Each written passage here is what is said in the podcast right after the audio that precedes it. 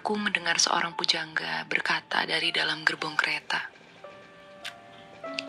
Mencintai tak harus memiliki. Cara romantis para pecinta adalah diam-diam mendoakan kekasih.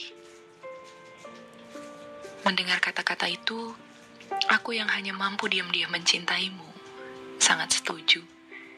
Sambil mengangguk-angguk menghibur hati. Seolah-olah sehabis mendapatkan ilham waktu matahari hampir terbenam. Di luar, malam datang dengan dinginnya yang sombong. Tapi udara dingin itu tak mampu menembus kaca. Aku tetap hangat dalam balutan selimut.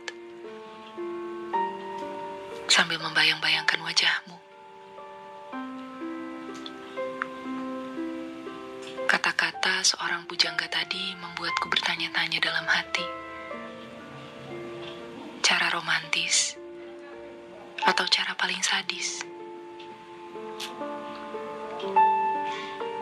Bukankah sungguh jahat jika aku lancang mendoakanmu diam-diam? Mencintaimu namun juga menjahatimu. Apa ada yang seperti itu? Sebab mungkin doa yang menurutku baik belum tentu baik bagimu. Menurutku bagus belum tentu bagus untuk hidupmu.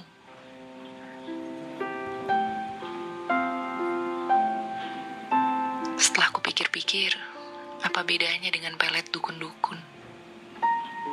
Doa-doa yang sebenarnya mungkin tidak kau harapkan. Doa-doa yang sebenarnya hanya datang dari hasratku saja. Doa-doa yang tidak lagi sakral.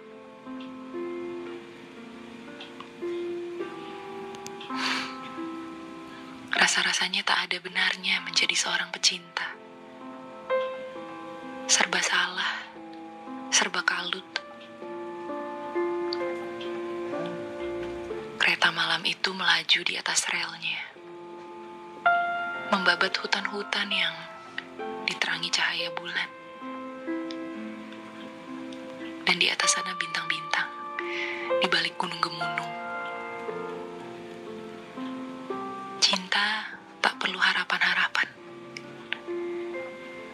Hanya perlu sisipan-sisipan. Seperti terbangun di sepertiga malam. Menyisipkan amin pada harapan-harapanmu. Biar jadi cara terakhirku mencintaimu.